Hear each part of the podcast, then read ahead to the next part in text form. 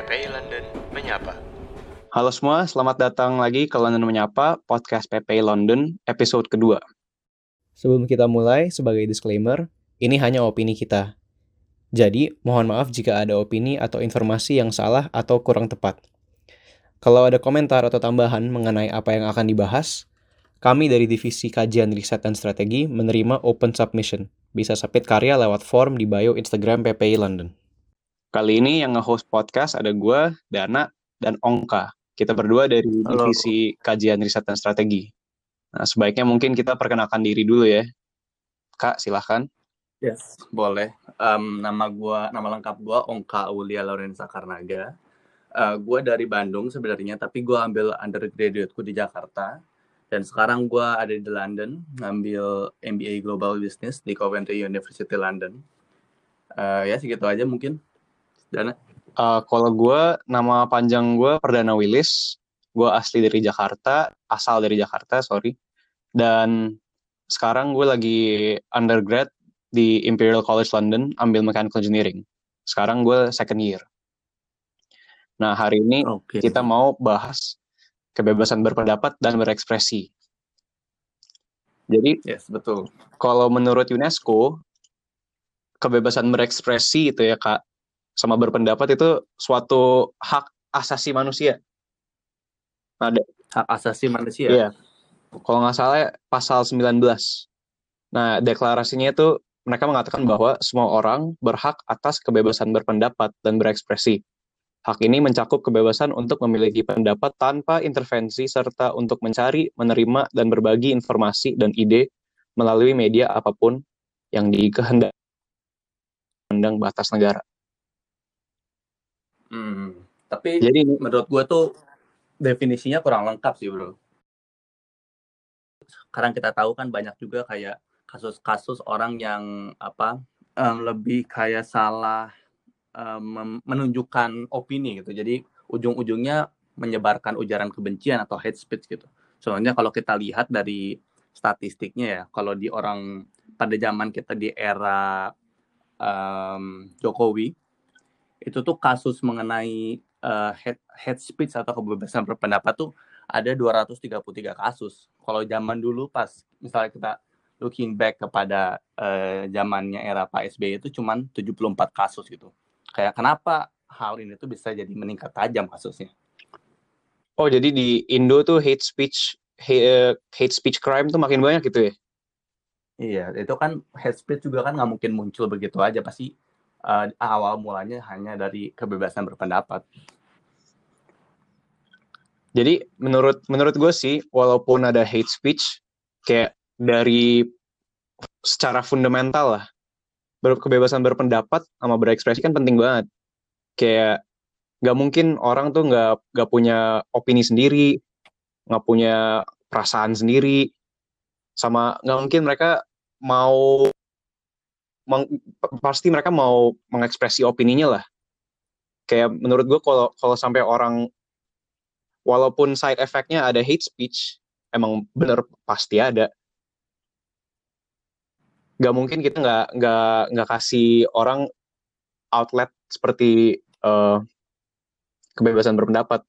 Karena ya kalau begitu yang ada nggak pernah ada nggak pernah diskusi lah menurut gua. Kayak sekarang aja nih, kalau kita semua pendapatnya sama dan kita nggak berani berekspresi pendapat itu, yang ada ya nggak ada nggak nggak- orang nggak bakal ada diskusi nggak bakal ada pemikiran lain nggak bisa nggak bisa berdebat dan seterus-terusnya ya nggak sih kak Ya, sebenarnya yang bikin susah tuh gimana caranya supaya eh, kebebasan berpendapat itu sendiri atau opini itu sendiri nggak nyinggung orang lain nggak sih? Habisnya biasanya orang yang tersinggung itulah yang bikin yang ma- malah ngelapor, malah ngejadiin kasus. Karena kalau semua orang punya batas toleransi yang tinggi, mungkin kayak kasus-kasus yang pada era Jokowi itu nggak bakal sebanyak itu. Dan menurut gue sendiri kayak sekarang contohnya kita sekarang lagi bikin top podcast mengenai kebebasan berpendapat kan. Dan menurut gue topik kebebasan berpendapat ini juga agak susah untuk dibahas kalau boleh jujur karena eh, seperti yang kita tahu kita boleh memberikan kebebasan berpendapat tapi kayak in the other way kita nggak boleh eh, menyinggung suatu institusi atau kelompok atau orang ya kan dan sedangkan kalau kebe- kebebasan berpendapat itu sendiri menurut gue itu tuh uh, bisa berbentuk opini kritik tam dan tanpa mengenai orang lain karena opini dan kritik itu menurut gue hal yang susah karena sebab akibat gitu nggak mungkin juga orang uh, tersinggung atau eh nggak mungkin juga orang membuat opini atau kritik kalau nggak ada uh, sebabnya gitu. Oke, mungkin sebelum kita benar-benar diskusi sama bahasin tentang uh, pro dan kontranya kebebasan berpendapat, mungkin kita bisa balik lagi ke UNESCO nih. Karena menurut UNESCO, kebebasan berpendapat dan berekspresi itu penting banget untuk perkembangan orang dan perkembangan negara, perkembangan negara. Dan menurut UNESCO tuh um, kebebasan berpendapat dan berekspresi adalah sebuah komponen dasar dalam proses demokrasi. Jadi menurut menurut mereka ya kalau kalau mau benar-benar negara, negara atau pemerintah mau benar-benar demokratik harus ada ini dapat dan berekspresi. Dan terutama ya, UNESCO mem, UNESCO memberi empat alasan untuk uh, alasan pentingnya kebebasan berekspresi. Nah, yang pertama itu untuk mm-hmm. menjamin pemenuhan diri seseorang dan juga untuk mencapai potensi maksimal dari seseorang. Kedua, untuk pencarian kebenaran dan kemajuan pengetahuan. Ketiga, agar orang dapat berpartisipasi dalam proses pengambilan keputusan, khususnya di arena politik. Nah, menurut gue nih, pas gue baru baca ini, gue awalnya tuh mikirnya mm -hmm. pentingnya kebebasan berpendapat dan berekspresi itu cuman di di gue mikirnya itu cuman kepentingannya di society lah kayak seperti nomor ketiga kan ngomongnya khususnya di arena politik benar emang kata lu kan kalau kita nggak bisa kritik orang lain dan nggak bisa nggak bisa argue nggak bisa berdebat. Ya yang ada kita nggak bisa nggak bisa maju juga kan. Tapi ya abis ya, benar, abis gue baca ini gue baru sadar juga sebenarnya itu ini juga penting banget sebagai untuk kita di untuk kita diri sendiri sebagai manusia sebagai sebagai human being a person. Kayak bayang aja. Kayaknya gue juga nggak mau sih kalau nggak di nggak dibolehin nggak dibolehin punya opini sendiri nggak nggak dibolehin ngobrol sama orang lain nggak dibolehin disagree. Gue nggak bakal nggak nggak bakal mau sih. Jadi emang penting banget ya. Benar sih. Menurut gue juga kayak intinya sih kayak kita kan negara demokrasi ya. Dan menurut gue tuh kayak kebebasan berpendapat tuh kayak merupakan salah satu jantungnya dari demokrasi gitu. Karena kalau kita lihat ke zaman dulu gitu ya contohnya kayak uh, lu inget nggak kayak zamannya Galileo Galilei atau zamannya kayak yeah, yeah. Uh, Eropa-Eropa yang tua kayak ketika oh ini orang baru discover science terus dia sebarin ini nih gue bisa bisa gue bisa apa uh, gue punya pandangan mengenai alam semesta contohnya Galileo Galilei terus mereka kan masih apa uh, ilmunya atau kayak sainsnya belum sampai situ kan. Terus kayak orang tuh begitu takut kepada sesuatu yang belum mereka tahu gitu. Jadi ujung-ujungnya kan si Galileo Galilei kan uh, dihukum penjara kan sampai sampai akhir hayat. Karena uh, mempolifrate atau menyebarkan sesuatu yang orang lain nggak tahu gitu. Jadi kayak mungkin setiap negara atau setiap uh, apa ya setiap zaman tuh memiliki uh, batas toleransi kebebasan berpendapat yang berbeda-beda lah. Gue bisa bilang sebagai sosial standarnya beda-beda gitu. Kalau contohnya kita di US, di Indo, atau di UK itu pasti kayak memiliki kebebasan berpendapat yang berbeda-beda gitu sosial standarnya gitu pasti pasti. Sebenarnya kak lo kan ngomongin Galileo nih sama dia zaman dulu. Mm -hmm. nah kebetulan tuh UNESCO juga memberi uh, UNESCO juga uh, kasih contoh-contoh di mana kebebasan ber berpendapat terancam. Dan sebenarnya itu salah satunya tuh itu um, Galileo, bukan Galileo. Tapi mirip lah. Karena salah satunya itu ketika izin menerbitkan atau menyiaran ditolak. Oh iya, makanya iya. itu banyak banget kasus kayak gitu. Contohnya kayak Galileo ditolak kan intinya. Iya iya betul. Padahal dia kan kalau kita lihat pada zaman zaman sekarang emang ilmu yang dia coba sebarkan emang bakal berguna gitu. Emang emang dan iya, emang beneran, betul ya. Emang beneran salah. Betul gitu. Iya. Jadi ya ini bukti. Tapi even tuh kalau even though kalau ada orang kayak macam Galileo Galilei terus informasinya salah pun menurut gue itu bukan kayak apa ya bukan kayak uh, hal yang benar-benar salah juga gitu. Maksudnya kayak walaupun dia mencoba misalnya contohnya sekarang gitu ya kalau kita lihat eh, kasus-kasus sekarang kan kita contohnya bumi itu bulat udah jadi apa ya general knowledge kan kayak semua orang tahu bumi itu bulat gitu. Tapi pada akhir-akhir tahun ini banyak orang yang bilang oh bumi itu datar bumi itu datar.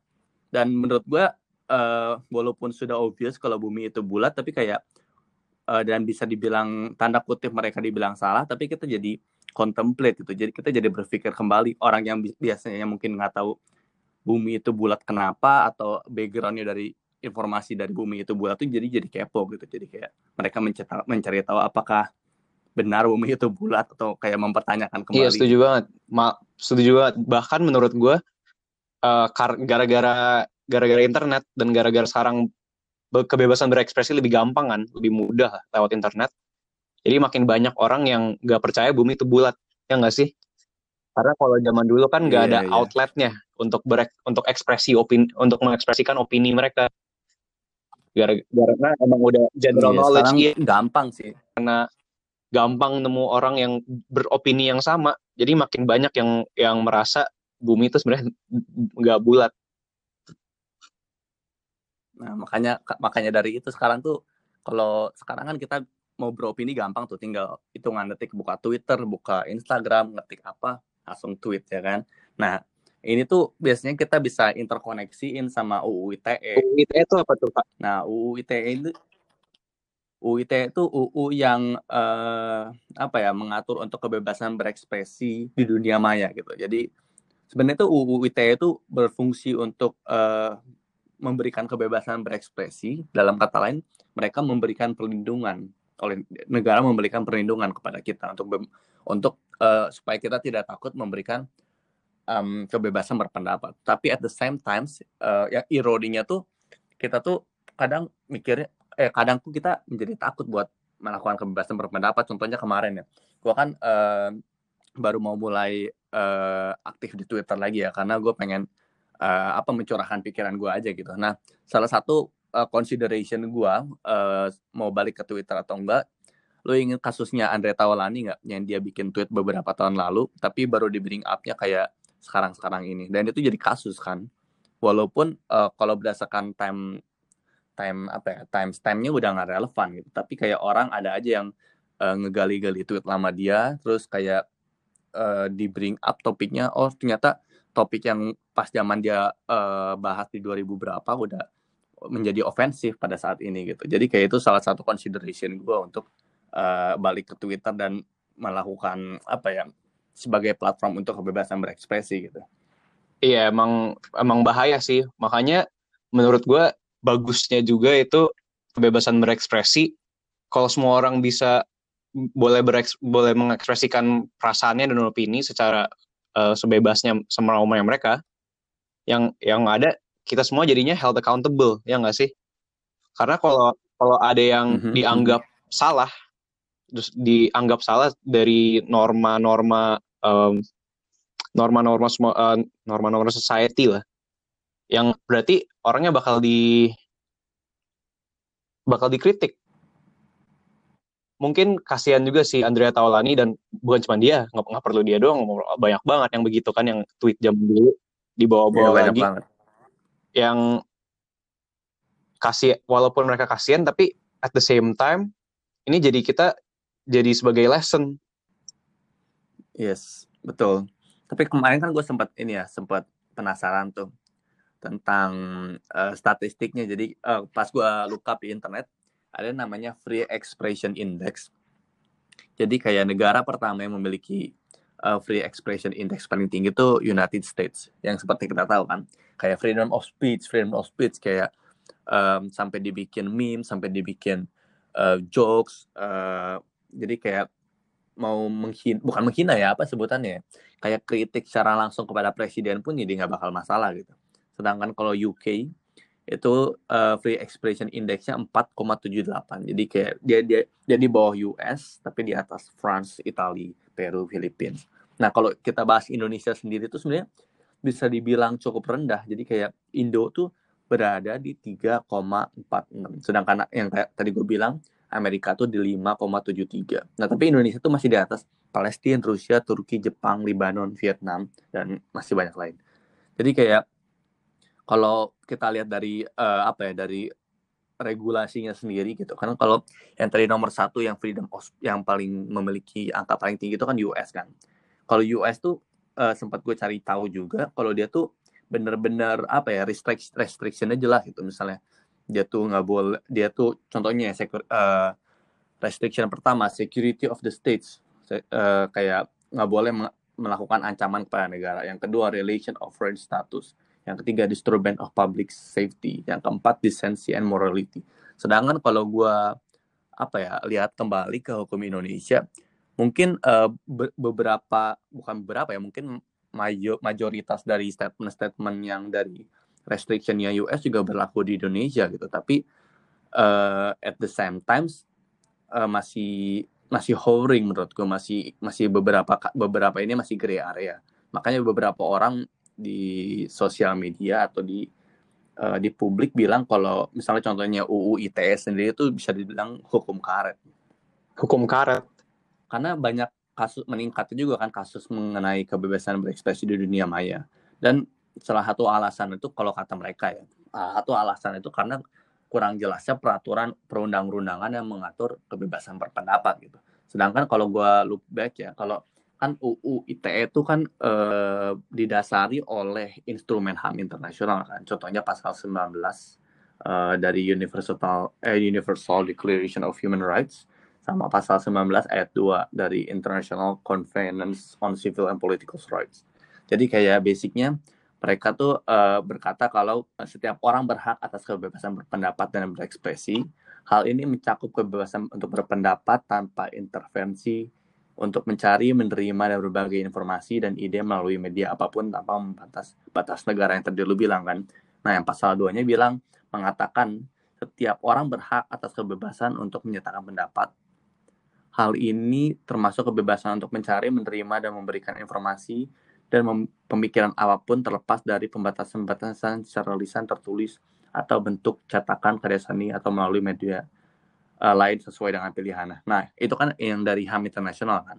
Sedangkan kalau Indonesia sendiri dia dia tuh uh, terikat oleh dua hukum itu. Jadi mereka uh, jadi Indonesia tuh uh, mencoba untuk mentransformasikan norma-norma tersebut terhadap uh, ke, dalam aturan hukum nasional gitu. Nah, ini, makanya pasal 28 UU 1945, pasal 29 ayat 2-nya dan pasal 73 UU uh, nomor 39 didasari oleh dua dasar HAM internasional tersebut yang menga yang mengatakan uh, mengenai hak asasi manusia yang intinya menyatakan setiap orang berhak untuk menyampaikan pendapatnya dengan berbeda batasan yaitu agama, kesusilaan, ketertiban, kepentingan umum dan keutuhan bangsa. Dan kalau mereka melanggar deklarasi tersebut berarti mereka melanggar hak asasi manusia. Sebenarnya kalau misalnya contohnya ya kita um, kan tadi lo bilang ada undang-undang PBB PBB-nya sendiri kan. Kalau misalnya kita melakukan uh, apa ya pencemaran nama baik itu, misalnya kita warga Indonesia kita melakukan pencemaran nama baik untuk uh, misalnya kita nge-tweet something mengenai um, orang UK gitu. Nah itu terus misalnya orang UK-nya uh, ngebales kayak membalas dengan melakukan pencemaran atau bukan pencemaran ya mungkin bentuknya hate speech juga gitu. Jadi gue kirim hate speech dia send hate eh, dia send juga hate speech. Itu hukumnya gimana ya? Jadi kayak yang yang berlaku tuh hukum PBB-nya atau hukum dari setiap negara dari apakah dari undang-undang Indonesia yang turun tangan apa nah atau kayak gimana? menurut gue kalau lo ngirim hate speech lo di Indo apa lo di UK gue um, sebagai warga Indonesia misalnya tapi gue ngirim ke orang UK lo, gitu. kalau misalkan lo sebagai orang Indonesia, warga Indonesia dikirim ke UK sih kayaknya nggak ada. Setahu gue nggak ada ya undang-undang begitu. Yang internasional itu. Nah, asal hate speech-nya asal hate speech-nya nggak bener-bener ngancam. Nggak walaupun ngancam kehidupan orang kan juga kalau internasional dan lewat internet nggak bisa diapa-apain ya nggak sih I mean like kalau orangnya tersinggung gitu misalnya gue oh. orang UK-nya ya, terus kayak oh ini Ongka nih kurang ajar ngirim ngasih gue headspace begini di Twitter gue gue gue gue gue jalur hukumin gitu nah itu gimana tuh yang berlaku tuh hukum yang mana kalau kayak gitu oh oke okay, oke okay. Kalau kalau begini kayaknya sih yang berlaku tergantung hate speech-nya sih. Gue sempat research juga sih definisi hate speech. Jadi kalau menurut yang gue baca ya, jadi hate ujaran kebencian atau hate speech itu adalah ungkapan yang dimaksudkan untuk menimbulkan kebencian atau merendahkan atas dasar ras, agama, etnis, atau asal-usul kebangsaan, dan karakteristiknya dengan ekspresi lisan, tulisan, bahasa tubuh dengan sengaja, kemudian dengan mengajak, menghasut untuk membenci dan melakukan kekerasan. Nah, yang lu yang lu ngomongin gitu ini sih. contoh yang lu bikin ini lumayan interesting karena kalau mikir-mikir lagi hate speech kayak gitu, hate speech begini sering ada nggak sih setiap hari di internet? Tapi karena saking iya. banyak ya dan saking Betul. saking seringnya dan karena internet lumayan an anonimus di udah di normalize, hmm. udah orang udah biasa. Yes, beberapa menurut gua kayak beberapa hate speech yang tolak ukurnya masih bisa di accept masih bisa diterima itu kayak udah di normalize karena uh, contohnya kayak beberapa kayak beberapa hal misalnya kayak bu, tapi kan beberapa hal udah apa ya udah ada kayak le orang lebih cautious tentang tentang several things gitu. contohnya body shaming atau ethics atau um, ya kan? Itu kan orang sangat sensitif mengenai hal itu. Jadi even though social media apa ya sosial standarnya mengenai toleransi untuk hate speech-nya lebih udah lebih naik tapi untuk certain things kayak yang tadi gue mention itu orang masih sangat sensitif gitu. Iya dan pasti kalau sampai hate speech-nya tentang eh, topik-topik uh, yang sensitif yang lu baru bawa tadi, kalau misalkan ini emang di internet,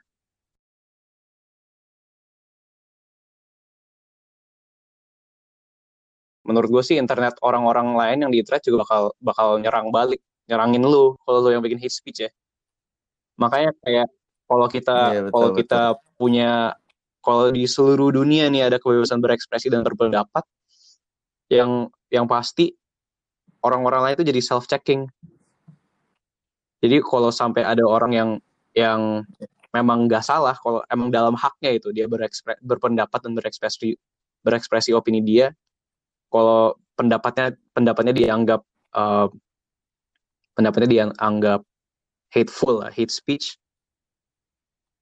yang hmm. yang bakal yang bakal bukan dihukum tapi yang bakal ngelawan balik yang orang lain yang tidak yang tidak ber tidak setuju lah dengan dengan opininya dan orang yang tidak setuju pun juga dalam haknya untuk berekspresi begitu. Benar-benar. Tapi menurut gue yang harus one thing to keep in mind ya, kayak contoh kayak head speech eh, bukan head speech ya kebebasan berpendapat ini kan uh, bisa dibilang keep evolving ya berubah terus. Makanya pasalnya juga nggak ada yang menurut gua nggak apa yeah. ya susah gitu. Kalau kita misal kita jadi pembuat pasal kita mau keep up terus pasalnya dengan uh, things that apa ya yang selalu berubah juga. Habisnya contohnya kayak gue lihat kas lu tahu gak sih lu tahu L lol nggak? Tahu tahu. League of Legends Nah itu tuh 2013 ya, itu tuh ada kasus rame banget. Namanya salah satu pemain LoL, namanya Justin Carter. Nah dia tuh cuman bikin post di Facebook. Jadi orangnya emang suka bikin sarcastic joke gitu. Jadi dia bikin post di Facebook, dia bilang kalau dia mau um, nembakin anak kindergarten dan makan dan uh, makan jantungnya yang masih berdetak gitu. Ya, itu kan lumayan gore ya kalau kita baca dari orang. Iya, tapi kayak untuk uh, followersnya atau subscribernya udah tahu emang dia tuh emang suka melakukan sarcastic joke gitu dan yang konten itu emang begitu gitu. Jadi dan tapi ada orang aja yang oh, mungkin orang luar atau bukan dari subscribernya atau bukan dari circle-nya ngebaca hal itu terus mereka uh, apa ya threatening gitu. Mereka merasa terancam gitu kayak uh, kayak apa ya mungkin kayak ancaman teroris gitu loh orang anggapnya. Jadi si Carternya Julius Carternya itu di ini ditangkap polisi dan 8 tahun di penjara karena melakukan tweet eh, menurut lo itu benar nggak kayak gitu di Facebook. I mean um, susah juga ya. Abisnya kalau kita ngomongin posting di sosial media kadang tuh uh, kita emang nggak bermaksud untuk nyinggung suatu institusi atau badan juga. Kita cuman pengen apa yang menumpahkan pikiran kita doang. Contohnya Twitter kan sekarang udah kayak iya tempat curhat orang gitu kan. Kayak lu mikir apa lu taruh, lu mikir apa lu taruh. Tapi di balik apa ya on the other side of the coin itu bisa jadi serangan makan tuan lu orang bisa mungkin apa randomly Iya, baca atau bener. tersinggung ya kan Mungkin kalau si uh, pemain LoL itu bikin joke gini ke temen-temennya, mereka pasti paham lah konteksnya. Tapi ya kalau kalau lu share ke sosmed yang udah seluruh dunia bisa baca, yang udah kalau lu share terus nggak bisa delete, it's there forever. Ya itu juga bahaya ya nggak sih? Ya mungkin mungkin lu punya pendapat iya, yang iya. gak di gak dianggap bener lah. Menurut gue tuh, lu kalau punya bukan pendapat sih, tapi lu kalau mau bikin joke-joke yang yang agak nggak bener lah, yang humornya emang nggak nggak bener gitu. Kayak ini orang kan dia sarkastik kan, dark, dark joke joke lah ya, dark joke ya bener. Ya lu mesti Mhm. bikin joke-nya sama orang yang ngerti konteksnya. Karena kalau kalau lu taruh di internet, udah pasti bakal diambil tanpa konteks. Kayak gue pernah betul, gue pernah pernah ketemu tiba-tiba gue kenal baru dikenalan kan sama sama nih orang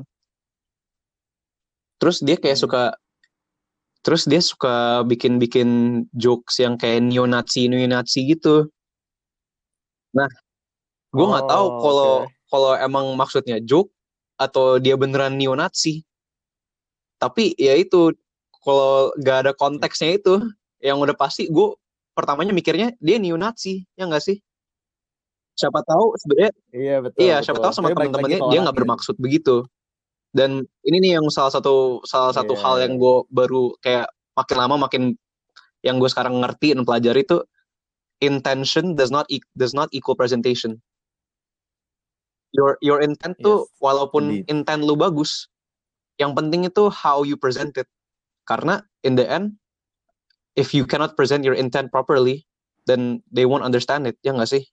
Iya dan menurut gue poin yang paling penting lagi buat dimension mungkin lebih ke arah toleransi kali ya. Misalnya kalau mungkin uh, bukan temen yang gue tadi yang ini bukan temen gue gue itu baru kalau ketemu Kak. ini bukan temen gue oh oke temen gue baru ketemu dia bikin bikin Oke, misalnya Oke, oke, misalnya teman misalnya orang yang lu baru ketemu tadi tuh encounter-nya bukan sama lu, mungkin orang orang lain tuh mem- toleransi levelnya Iya. nggak itu nggak sama kayak lu. Mungkin dia baru dengar sekali udah langsung ke trigger terus melakukan uh, shoe atau Iya, tapi ya- like that, ya kan? mau toleransi atau mau beda toleransi ya menurut gue walaupun lu walaupun lu nganggep gue kayak gue lumayan toleran tolerant gitu ya kalau emang ini beneran maksudnya Mhm. dia dia intentnya tuh nggak parah dia nggak bermaksud salah ya tetap tetap aneh gitu Mhm. kayak untuk gue ya pas pas gue denger denger tuh kayak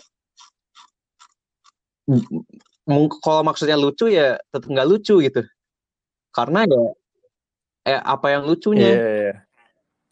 karena gue nggak kenal Iya, orangnya iya, ya benar-benar. pasti nggak lucu lah Oke, tadi kan kalau tadi kan contohnya tuh em, kita ngomongin tentang sesuatu yang kita share ke publik kan, walaupun inten apa inten, a- intensi awalnya bukan untuk publik ya kan, untuk privat untuk pribadi. Nah, tapi ada juga tuh kasus kalau lu tahu mengenai eh, Prita Mulyasari tahu nggak? Yang dia email rumah sakit, terus dia melakukan apa ya kritik bisa dibilang kritik gitu meng- mengeluh mengenai, mengenai pelayanan rumah sakitnya. Tapi somehow um, email kritiknya itu uh, tersebar di dunia maya gitu. Terus kayak ya udah jadi uh, si Prita Mulyasarinya itu masuk kasus pencemaran nama baik walaupun bentuknya email bukan untuk yang di untuk yang di share ke publik. Oh itu gue baru denger tuh itu lumayan menarik tuh maksud maksudnya pribadi ya kenapa bisa dianggap pencemaran nama baik? Habisnya karena tersebar ke publik gitu. Contohnya kayak banyak kan kayak artis-artis juga yang banyak eh, data pribadinya kesebar di Iya. publik terus jadi kasus ya kan? Dan pada dan pada awalnya tuh mereka kayak cuman oh itu cuman dokumen pribadi cuman eh, sesuatu yang gue simpan di HP gue gitu. Tapi kalau udah sampai masuk ke publik bisa masuk bisa dipidanakan gitu. Jadi kayak gimana ya kita sebagai orang juga kayak sometimes we want to apa ya archive things we want to store things tapi in the other way takut jadi senjata makan tuan ini le- yang lu ngomong kak sebenarnya gue awal tadinya tuh pengen nanya lu ini ini hubungan banget berhubung banget berhubungan banget nih Mhm. sama pertanyaan gue kan kita ngomongin ngomongin kebebasan berpendapat dan Mhm. berekspresi Nah, yang gue, gue mau nanya tuh, kenapa berpendapat Yes. dan berekspresi beda? Kenapa itu dipisahin? Kenapa nggak disambung aja? Kalau mereka emang mereka emang very interrelated, kalau emang selalu terlibat lah, selalu dihubungin, maka kenapa kenapa dipisah katanya? Kenapa kita harus kebebasan berekspresi dan berpen- berpendapat? Nah, menurut gue nih, yang lu lagi ngomong sekarang, ber- berpendapat itu pribadi dan Mhm. berekspresi itu yang yang publik. Dan walaupun dan dalam secara pribadi ya kita boleh berpendapat apa pun, apa pun yang kita menganggap, menganggap benar, apa pun yang kita percayain ya boleh lah, terserah kita, asal nggak nggak nggak sampai menyakitin orang lain atau emang pendapat lu salah. Ya kayaknya Oh, iya yang lu sih. ngomongin ini sekarang tuh itu ya kalau secara pribadi ya Bener juga. Hmm. Iya, kalau Mhm. kasus yang eh, pencemaran nama baik itu menurut gue sih nggak mungkin nggak benar ya, karena itu pendapat dia. Dan dia cuman mengekspresi pendapatnya kepada eh, pihak yang terlibat yaitu rumah sakitnya. Kalau dia ke mana-mana, kalau dia ke mana-mana mengekspresikan pendapat itu ke orang, dia terus-terus ngomongin itu rumah sakitnya jelek ke orang lain. Ya mungkin itu bisa dianggap eh, pencemaran nama baik. Tapi kalau cuman email pribadi kayaknya itu nggak bener sih kak menurut gue mungkin yang yang bikin tanda kutip salahnya itu karena tersebar sih. Tapi tapi banyak banyak kasus yang kayak gini misalnya contohnya kan art, yang tadi gue mention artis-artis kan. Misalnya artis punya eh, chat pribadi gitu sama misalnya manajernya sama siapa dan somehow klik klik apa eh, tersebar ke publik gitu.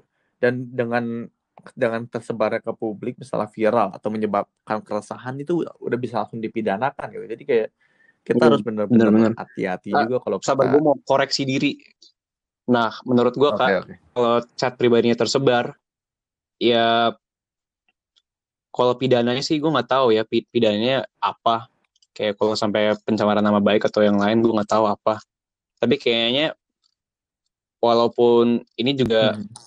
Walaupun pribadi karena pribadi gitu itu yang bikin susah. Karena bayang aja kalau chat chat gua sama lu gitu disebar-sebar kan juga kenapa mesti disebar?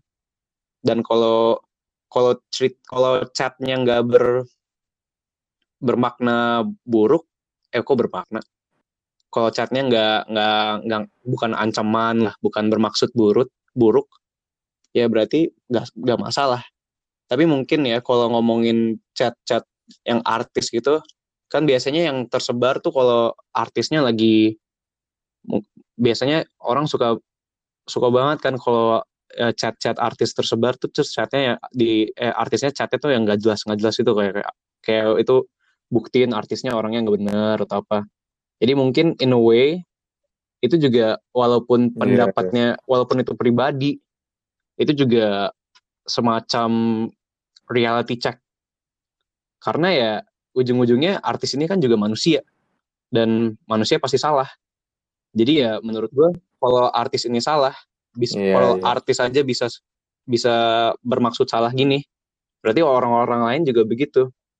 Berarti ya walaupun agak gak bener walaupun sebenarnya semestinya nggak disebar-sebar chat pribadi itu juga kita bisa ambil itu sebagai lesson untuk kita sendiri untuk cara as a, as how we should act and how we should how we shouldn't act Bener sih. Tapi Iya. kan kalau kasusnya pribadi kan. Kalau kasusnya misalnya contoh, eh, lu tahu ini lagi nggak eh, musisi Bali si Jerings. Jadi em, dia tuh eh, kemarin ditangkap, bukan kemarin ya, kayak beberapa bulan lalu ditangkap ke, di penjara karena dia tuh em, apa ya menurut title-nya sih dia em, menyebarkan hate speech kepada dokter-dokter asosiasi dokter gitu. Karena dia tuh pada pada mulanya tuh dia apa ya dia em, orang yang jadi si musisi Balinya tuh emang terkenal suka bikin konspirasi-konspirasi gitu. Jadi apalagi sekarang kan kemarin COVID eh, banyak banyak banget perubahannya kan. Contohnya kayak eh, kita nggak boleh pakai masker kain, terus tiba-tiba boleh pakai masker kain ya kan. Itu kan Iya. perubahan dari yang minor yang minor kan.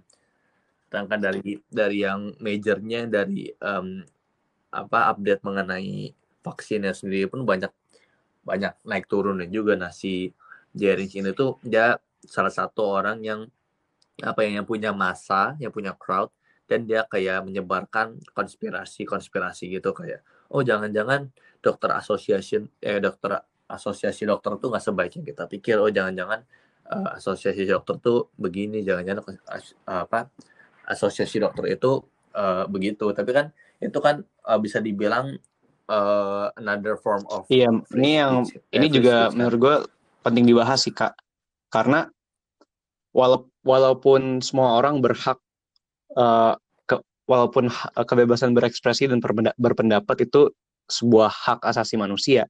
Walaupun kita boleh berekspresi sebebasnya semau apa pun ya ujung-ujungnya yang apa kita mengekspresikan tuh harus di harus dilihat dulu ini tuh benar atau salah.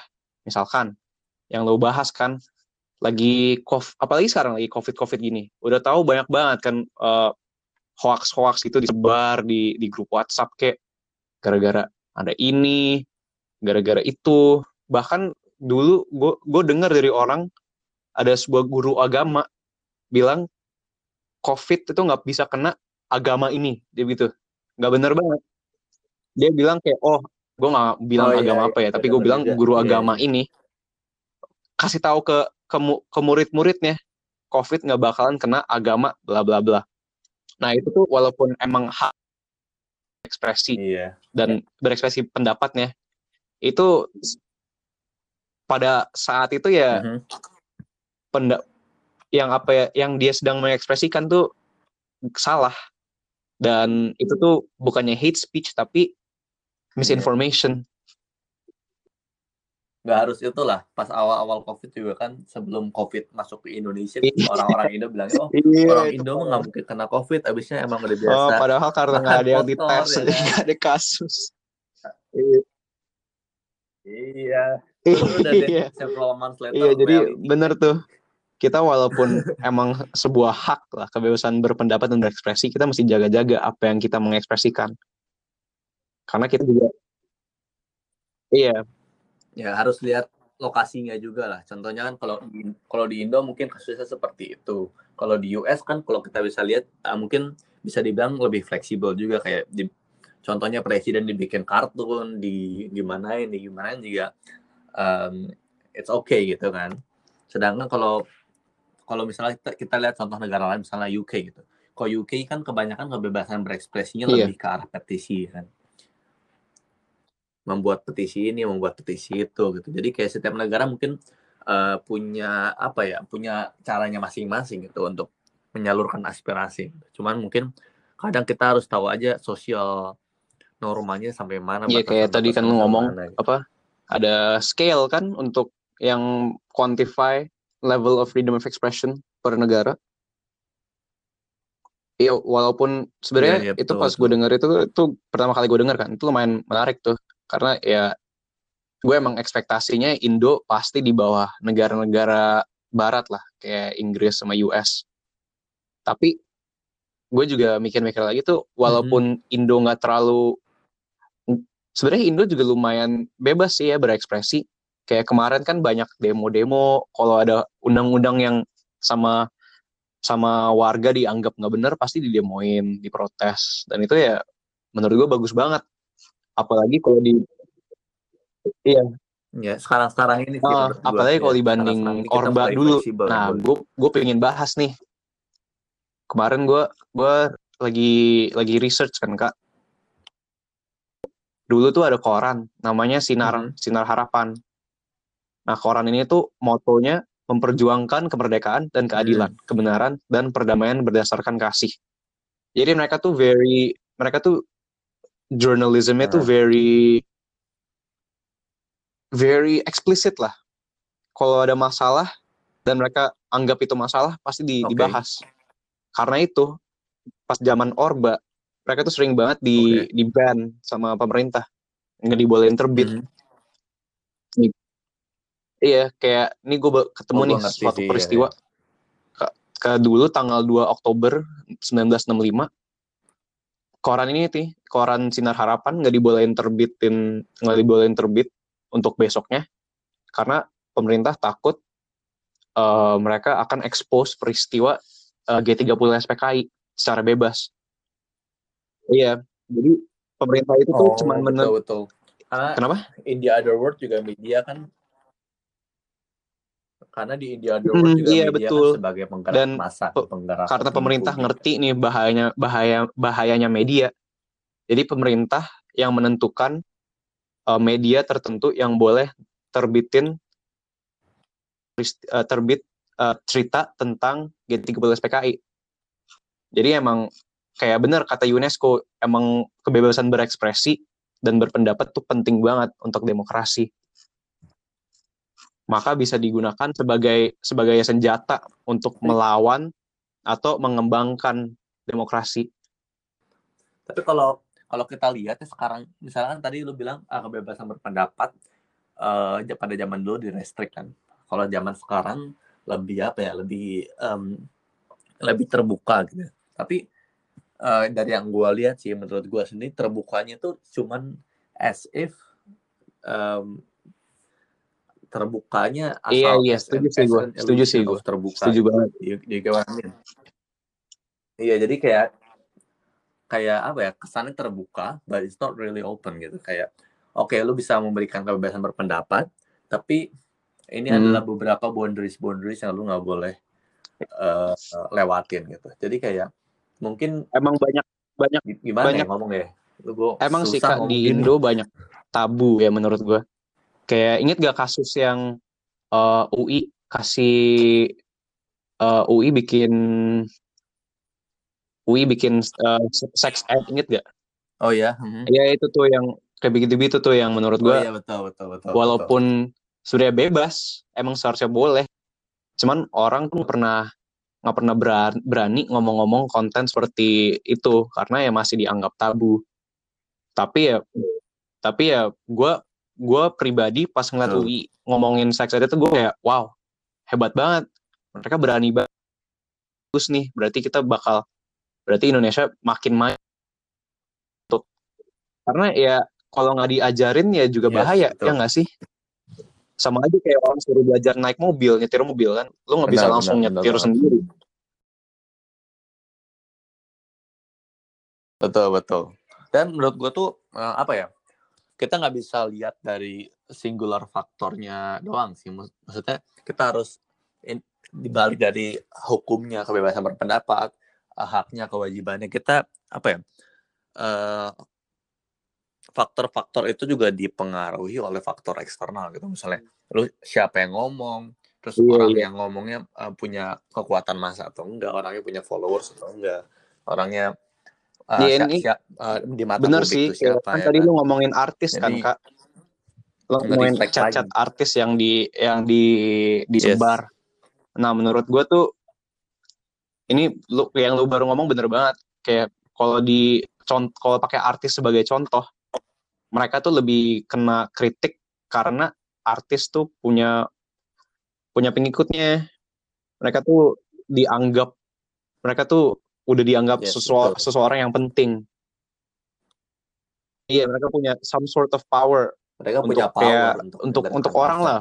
because they do something people are inspired by them. Jadi eh eh, bener kalau apalagi kalau lu dalam posisi position of power if you're in a position of power lebih penting lagi apa yang lu eh, lu pendapatnya apa opini lu apa dan cara lu mengekspresikannya apa Paling ngomongnya, em, oke kita sekarang punya kebebasan berpendapat, punya em, undang-undangnya gimana, peraturannya gimana, restrictionnya gimana, em, haknya gimana, kewajibannya gimana. Tapi di, selain dari hukum dari hukum-hukum tersebut yang kita harus lihat, kita harus lebih mementingkan mementingkan sosial strukturnya juga sosial normnya sekarang gimana misalnya kalau lu 2000 misalnya lu eh, misalnya sekarang 2020 misalnya somehow gua em, time travel gitu atau gua koma gua bangun 2025 terus gua pas baru bangun dari koma gua mau ah gua mau bikin tweet something ah. Kita nggak bisa langsung tweet juga karena mungkin kita nggak tahu batasan-batasan pada tahun 2025 itu gimana ya kan? Karena kita tweet yang kita anggap oke okay pada 2020 it's okay. Tapi pas kita tweet 2025 it's not it's no longer okay gitu untuk sosial standar jadi menurut gua kayak kita harus lebih perhatiin sosial strukturnya sih standar Iya, setuju pada, banget, Kak. saat Jadi kita ini. emang boleh kita secara pribadi emang bebas pendapatnya boleh apa pun. Tapi kalau kalau kita mau mengekspresikan pendapat itu kita mesti ngerti uh, norma-normanya tuh gimana dan pen- dan uh, bagaimana pemandangan orang lain terhadap pendapat kita. Jadi walaupun ini sebuah betul, hak betul, betul. untuk semua orang, kita juga harus ngerti itu tuh juga bisa dianggap sebagai privilege. We all have this right, but we have to treat it like a privilege karena ya kita nggak mau, we don't want to spread, we we all have this right, but we have to treat it like a privilege because we don't want to we don't want to spread misinformation or cause hate, ya kan?